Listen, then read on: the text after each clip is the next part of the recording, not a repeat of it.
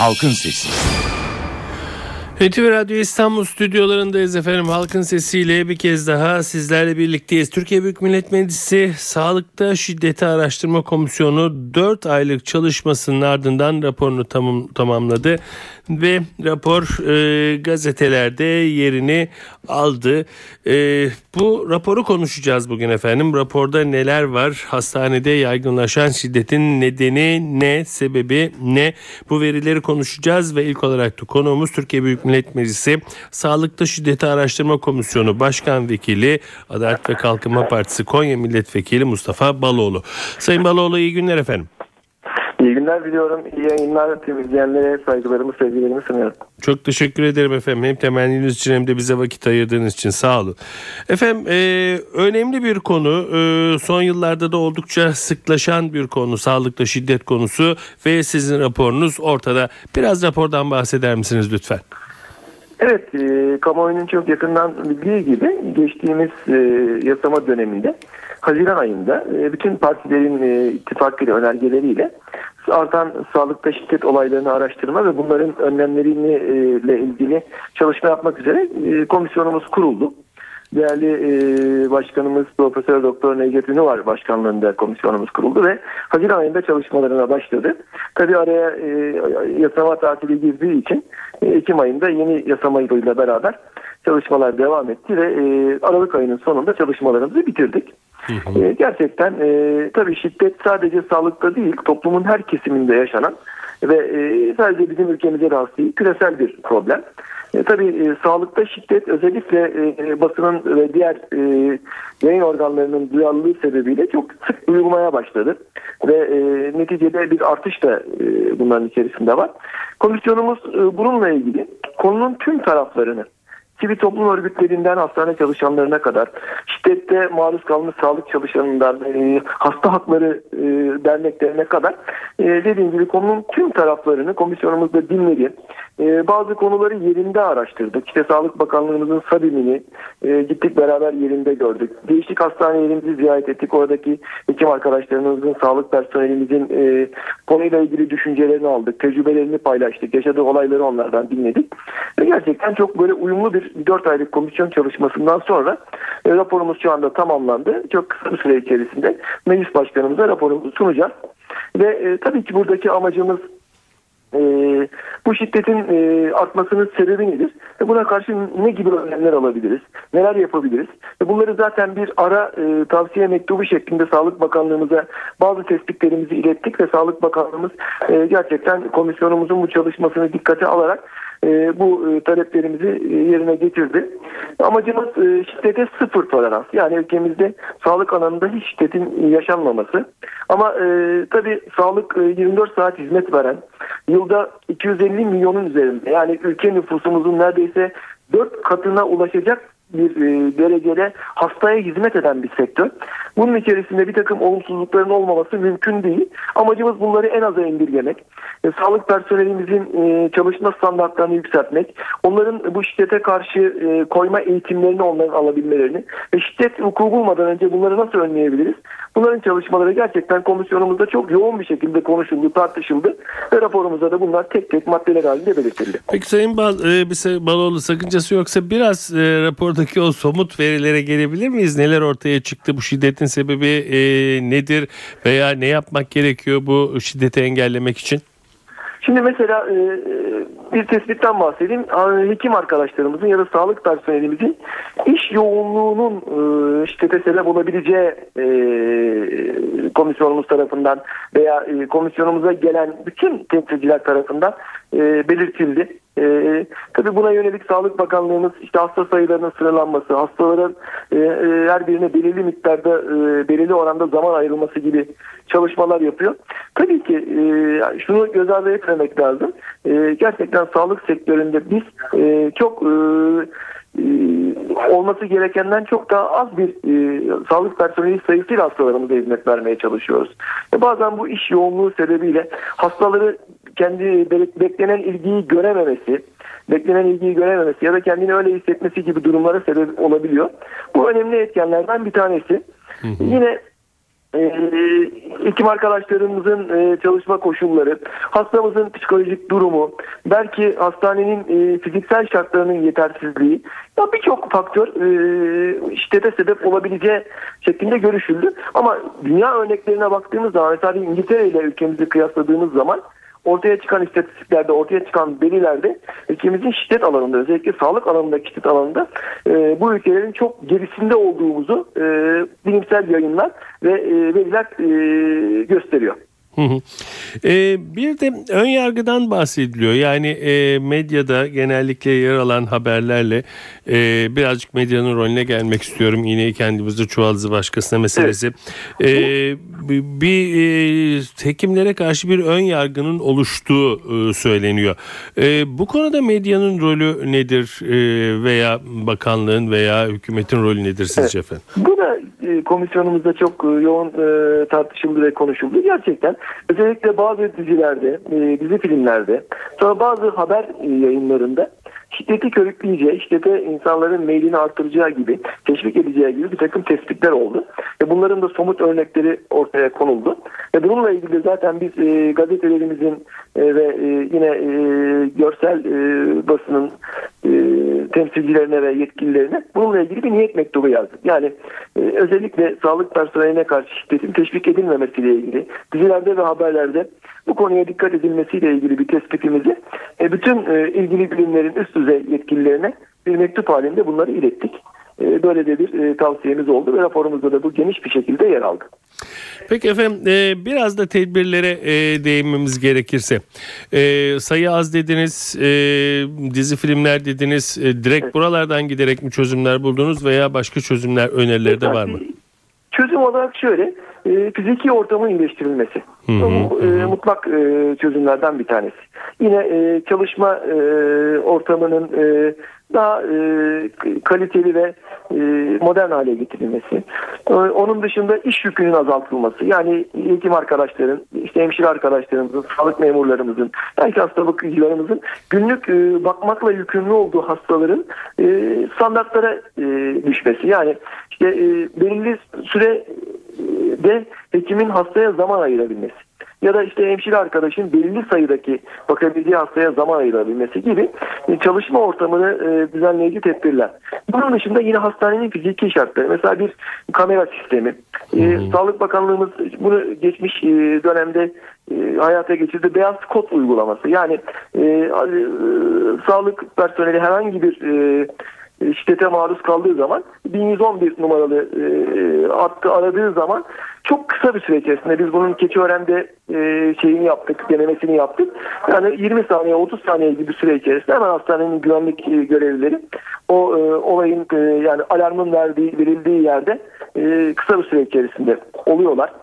E, ondan sonra yine e, hekimlerimizin e, iletişimle ilgili e, birimlerde biliyorsunuz biz e, sağlık eğitimi görürken, tıp eğitimi görürken hı hı. iletişimle ilgili herhangi bir ders almıyoruz. Bunu ancak işte e, e, mesleğimizin verdiği tecrübeyle bunu yerine getiriyoruz. Yani bilimsel manada bir halkla ilişkiler, bilimsel manada bir iletişim dersi almıyoruz. Bunların hekim arkadaşlara, asistan arkadaşlara verilerek yani en azından şiddete karşı koyma. Eğer karşınızda agresif bir hasta, işte bir e, mağduriyete uğramış ya da hastalığından dolayı kendini mağdur e, olarak gören bir hastanın e, karşı e, ona e, iletişim yöntemleriyle onun o e, tepkisini minim, minimalize etmek e, ve e, bir takım yöntemlerle onu e, şiddetten uzaklaştırmak gibi eğitimleri almak e, bu da e, tedbirler olarak e, göze çarpıyor. Ya bu gibi daha birçok tedbirler e, komisyonumuzun raporunda yer alıyor. E, ve Peki bunlar gerçekten... hayata geçer mi Sayın Baloğlu? Ben bunların şunu söyleyeyim e, biraz önce bahsettiğim bir niyet mektubu şeklinde Sağlık Bakanlığımıza e, bazı şeyleri belirttik. Mesela SABİM e, biliyorsunuz Hasta Sağlık Bakanlığımızın hasta şikayet hattı var. Burada şöyle bir algı var. Yani hastalarımız sürekli her şey için hekim arkadaşlarımızı şikayet ediyorlar. Hekim arkadaşlarımız da bunlardan dolayı mağdur oluyor. İşte hı hı. yani en ufak bir e, hatada işte soruşturma geçiriyor veya işte ifadesi alınıyor falan. İşte bunun da şiddeti artırdığı, işte hastaların e, bundan dolayı e, e, şiddete meylettiği gibi bir takım e, şeyler görüşler oldu. Fakat bunu incelediğimizde aslında SABİM'in ya da Sağlık Bakanlığımızın bir takım işte hasta e, hakları koruma e, kurulu gibi kurulların aslında e, bir e, engel olduğu yani işte e, çok ciddi bir oranda hastanın başvurusunu e, orada e, değerlendirildiğini veya o hastanın mağduriyetinden kaynaklanan ya da hastanın kendini mağdur hissettiği e, olaydan kaynaklanan e, problemlerin hastalıkları kurumu vasıtasıyla, SABİM vasıtasıyla çözüldüğünü belki şiddeti önleyici bir e, bilim olduğu kanaatine varıldı. Öyle bir görüş belirdi. E, yine e, söyleyeceğim gibi en çok e, bize e, görüş bildiren e, kesimler tarafından aktarılan şey iş yükü fazlalığı ve e, fiziki koşulların düzeltilmesi diye belirtildi. Ana hatlar bunlar. Anlıyorum efendim. Sayın Baloğlu çok teşekkür ediyorum efendim bize vakit ayırdığınız için. Ben Sağ çok, olun. çok teşekkür ediyorum. Özellikle 14 Mart Tıp Bayramı'ndan önce böyle bir konuyu e, yayınınızda işlediğiniz için sizlere çok teşekkür ediyorum. Sağ olun efendim. İyi günler diliyorum. Evet Türkiye Büyük Millet Meclisi Sağlıkta Şiddeti Araştırma Komisyonu Başkan Vekili Adalet ve Kalkınma Partisi Konya Milletvekili Mustafa Baloğlu bizimle birlikteydi. Sözü dinleyici görüşlerine yani size bırakacağız. Sağlık personeline uygulanan şiddetin, sağlık personeline karşı artan şiddetin sebepleri nedir? Siz nasıl görüyorsunuz? Bunu önlemek için neler yapılmalı? Artık sözü size bırakıyoruz efendim. Halkın Sesi canlı yayında. Soru ve görüşleriniz için NTV Radyo Halkın Sesi telefon numarası 0212 335 47 20. Elektronik posta adresimiz ise halkinsesi@ntv.com.tr.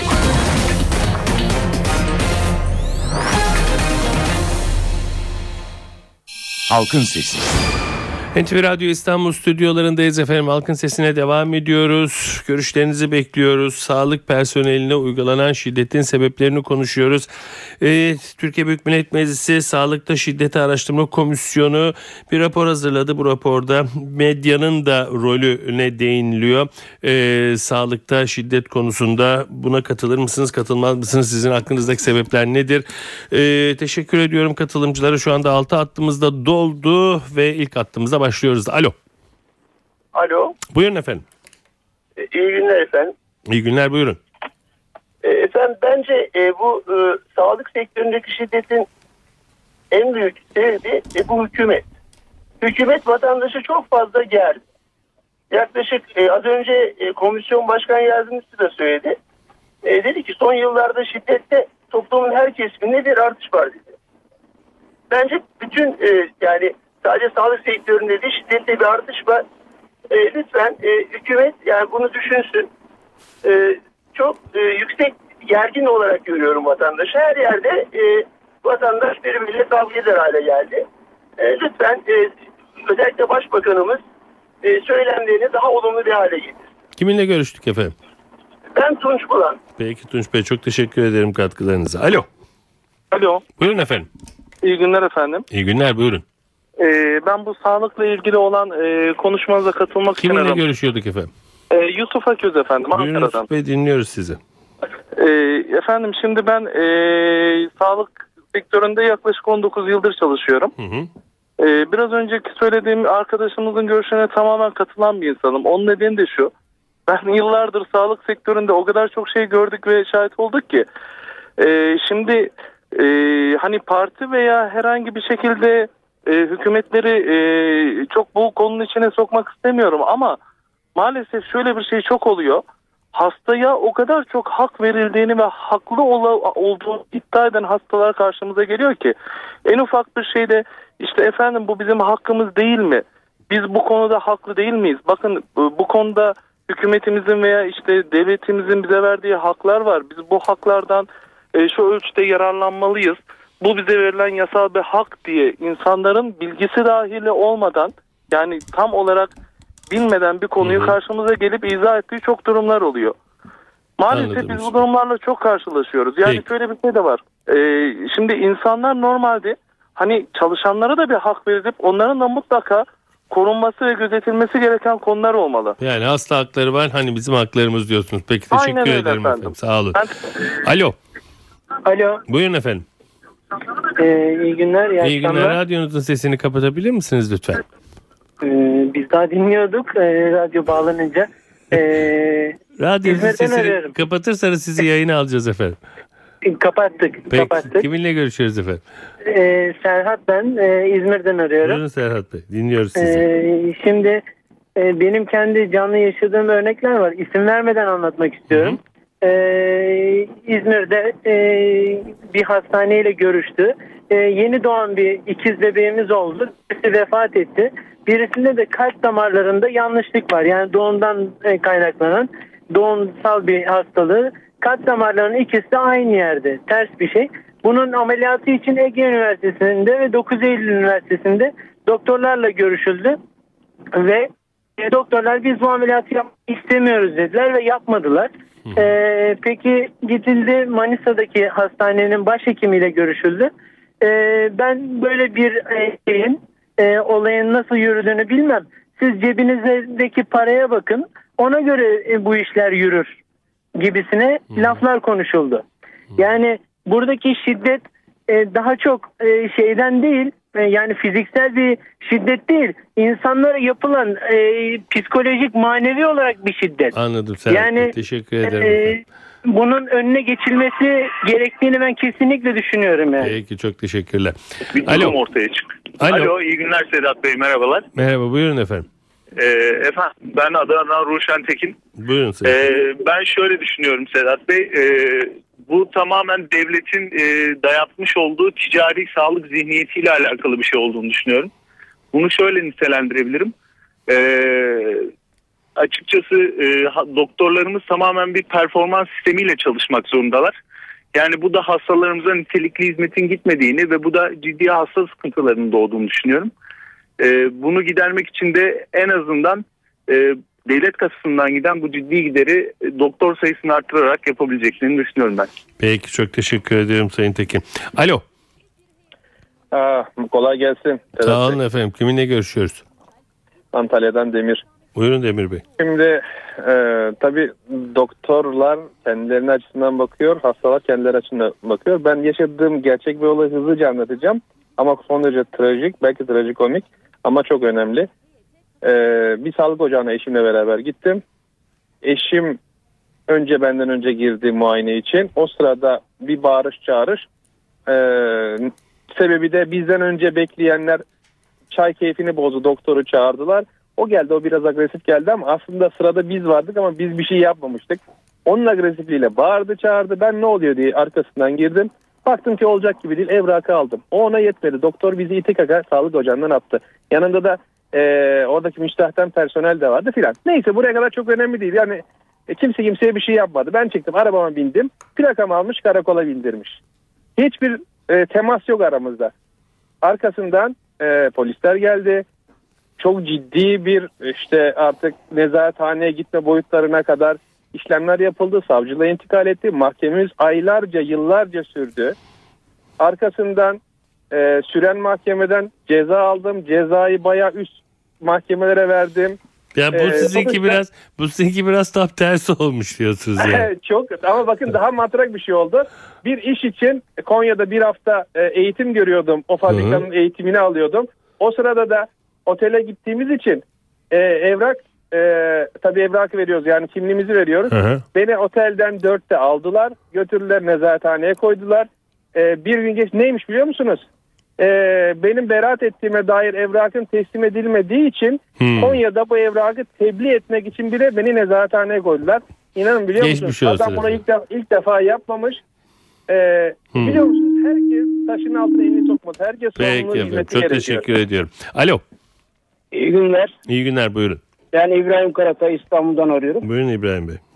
Ee, şimdi sağlık çalışanlarına şiddet deniyor da doktorların, sağlık çalışanlarının bizlere tavırları hiç tartışılmıyor. Mesela biz e, 4 ay evvel e, benim annem kanser hastasıydı. Onun teşhisini de özel hastaneler değil devlet hastanesi koydu. Hı hı. Ve bize dedi ki e, kanseri ilerlemiş dedi. Hı hı. Hatta kemoterapiye bile götürmeyin dedi. Hı hı. Fakat annemiz bu, canımız ciğerimiz. Biz gittik özel bir hastaneye, Beylikdüzü'nün en iyi özel bir hastanesine gittik. Kemoterapileri oradaki doktor dedi ki, kemoterapi görsün iyileşir dedi. Biz devlet hastanesini dinlemedik, o özel hastaneyi dinledik. Hem anneciğim 9 saat ve bir sürü para var. 9 saat kemoterapinin acısını çekti. Hem de maalesef iyileşemedi ve annemizi kaybettik. O özel hastaneden ne bizi arayan oldu ne soran oldu. Şimdi e, düşünün yani o doktora Kötü hani şiddet uygulanmasın deniyor da ben insanlara şunu tavsiye şiddet ediyorum. uygulamak da tabii bir sorun değil galiba. Hayır, hayır Değil hiçbir zaman çözüm değil. Hiçbir zaman o insanlık da değil. Ama e, sağlık personelinin yani bu ilim almış insanların da biraz kendini eleştirmeleri lazım. Ve ben buradan insanlara söylüyorum şunu kesin emin olsunlar. Devlet hastaneleri özel hastanelerinden kat kat iyi seviyeye gelmiş. Peki Onu efendim teşekkür ederim. Alo İyi günler. iyi günler. Trabzon'dan Ali. Ali Bey buyurun. Halkın sesi değil mi orası? Burası halkın sesi efendim. Buyurun siz dinliyoruz. İyi günler. Ama Ali Bey radyonuzun sesini kapatırsanız daha iyi anlaşacağız sizinle. ama iyi, iyi günler. İyi Ee, günler. Trabzon- Trabzon'dan arıyorum Ali Aygün. Buyurun Ali Bey. Ee, benim e, şu e, şu şikayetim var e, sağlık çalışanları olarak. E, annem bundan bir 3-5 sene önce göğsünde ur vardı. E, bunu Trabzon'da bir hastaneye getirdik. E, hemen doktorun dedi bu dedi kanser bunu dedi yarın sabahleyin hemen ameliyat almam gerekiyor. Hı hı. Biz de kendisine dedik ki yani bu acele böyle hemen bir ameliyat olur mu? Yani bir başka bir yere gidelim bizim fakülteye sevk edin diye deyince bu, buradan derhal git dedi. Sen dedi bana güvenmiyor musun? Buradan de- derhal git. Hı. Ondan sonra biz de kendisine e, tabi orayı terk ettik. E, fakülteye başka bir doktora gittik. Hı. E, bize fakültede doktorun dedi dedi ki ya göğüsteki urdan dolayı dedi hapar sopar dedi ameliyat mı olurmuş dedi yani böyle bir şey olur mu dedi. Olmaz Şimdi- mıymış? Efendim? Olmaz mıymış? Yani şeyin söylediği öyle. E, fakültedeki doktorun söylediği bize o. Peki efendim. Geçti. evet. Peki Ali Bey teşekkür ederim efendim. Halkın Sesi.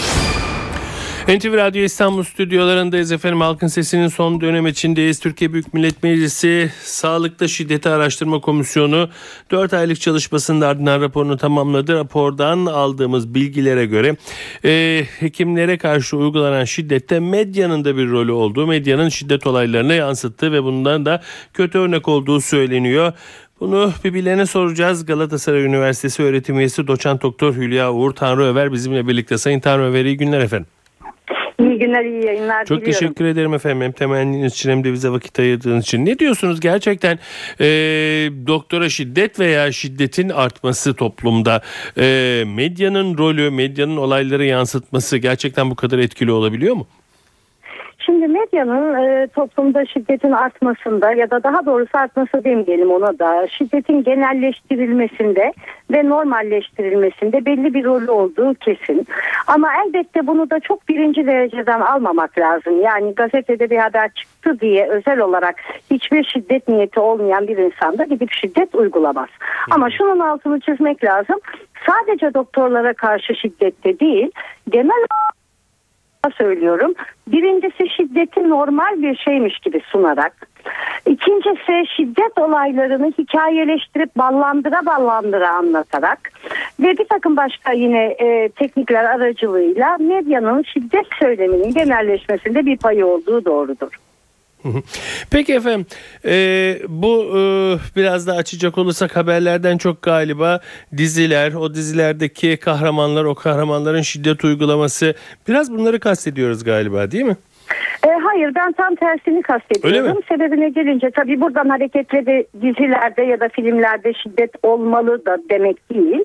Ama e, aslında isterseniz bugün Türkiye'de insanlar o kadar çok dizi ve film seyrediyorlar ki artık 3 yaşında çocuklar bile bunların kurmaca olduğunu biliyorlar. Dolayısıyla asıl gerçek olan yani gerçeği tutan haberdeki şiddet çok daha vahim çünkü e, tam da gerçek olduğundan dolayı.